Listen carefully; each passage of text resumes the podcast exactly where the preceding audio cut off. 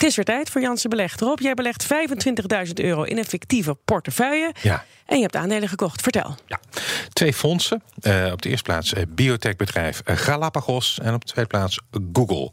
Uh, Google is wat mij betreft een van de sterkste bedrijven ter wereld. Samen met Facebook heeft het een ijzersterke positie op de advertentiemarkt. Dat weet iedereen. En ja, ze weten hun data gewoon uh, uitstekend uit te melken. En Galapagos is heel succesvol in de ontwikkeling van medicijnen, onder andere tegen reuma.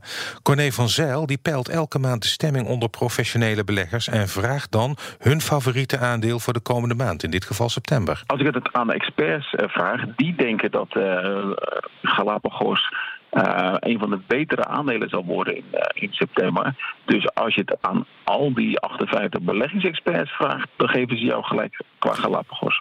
Ja, Galapagos staat overigens in die poll die elke maand uh, wordt gehouden op de tweede plek bij de experts. En op één staat Shell voor september. En ik moet zeggen, daar zal ik ook eens naar kijken of dat misschien een interessante uh, belegging is. De Shell geldt natuurlijk als ja, iets wat je eigenlijk altijd in portefeuille moet hebben, omdat ze natuurlijk heel trouw een fors dividend uh, uitkeren. Dus dat is misschien voor een volgende stap oh ja. het overwegen ja. waard. Is september wel een goede maand om in te stappen?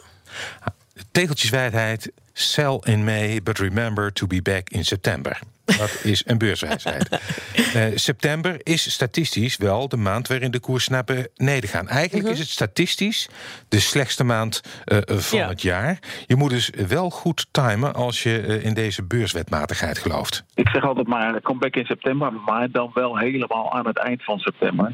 Want dan is, als het goed is, de koers een stuk lager.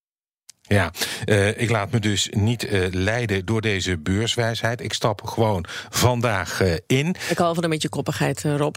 Ja, nou ja, en uh, kijk, uh, wijs, uh, statistisch, 75% van de gevallen komt dat uit. Mm -hmm. 25% van de gevallen dus ook niet. En bovendien, Um, dit zijn rare tijden waarin de beurs uh, niet alleen door. Uh, of, uh, niet, kijk, beurs is natuurlijk altijd een kwestie van sentiment. Mm -hmm. Maar als je nou kijkt naar de tweets van Trump en de Brexit er is, en het monetaire beleid, wat ook heel veel invloed heeft op de koers, dan vraag ik me af of dat soort wetmatigheden in de huidige omstandigheden ook wel zozeer opgaan. Ja. Dan hebben we natuurlijk ook de komende maanden uh, de Brexit. Uh, ja. Nou, die handelsoorlog hebben we natuurlijk ook nog tussen Amerika ja. en China. Die ettert ook maar door. Maak je je daar geen zorgen om?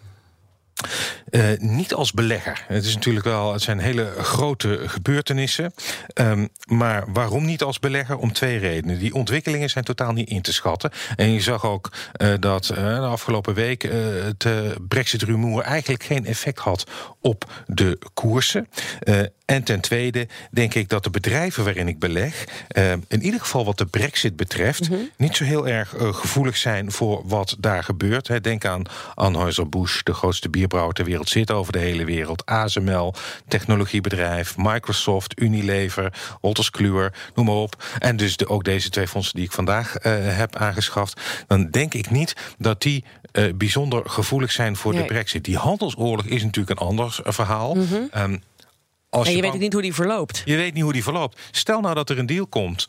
Uh, stel nou dat, die, uh, dat er een deal komt in september. Dan mm -hmm. gaat die beurswijsheid van september niet op. En gaan de koersen, vermoed ja. ik, flink omhoog. Ja. Weten we allemaal niet. Gebeurt misschien niet. Het ligt niet in de lijn der verwachting. Als je kijkt naar wat Trump de afgelopen periode heeft gedaan.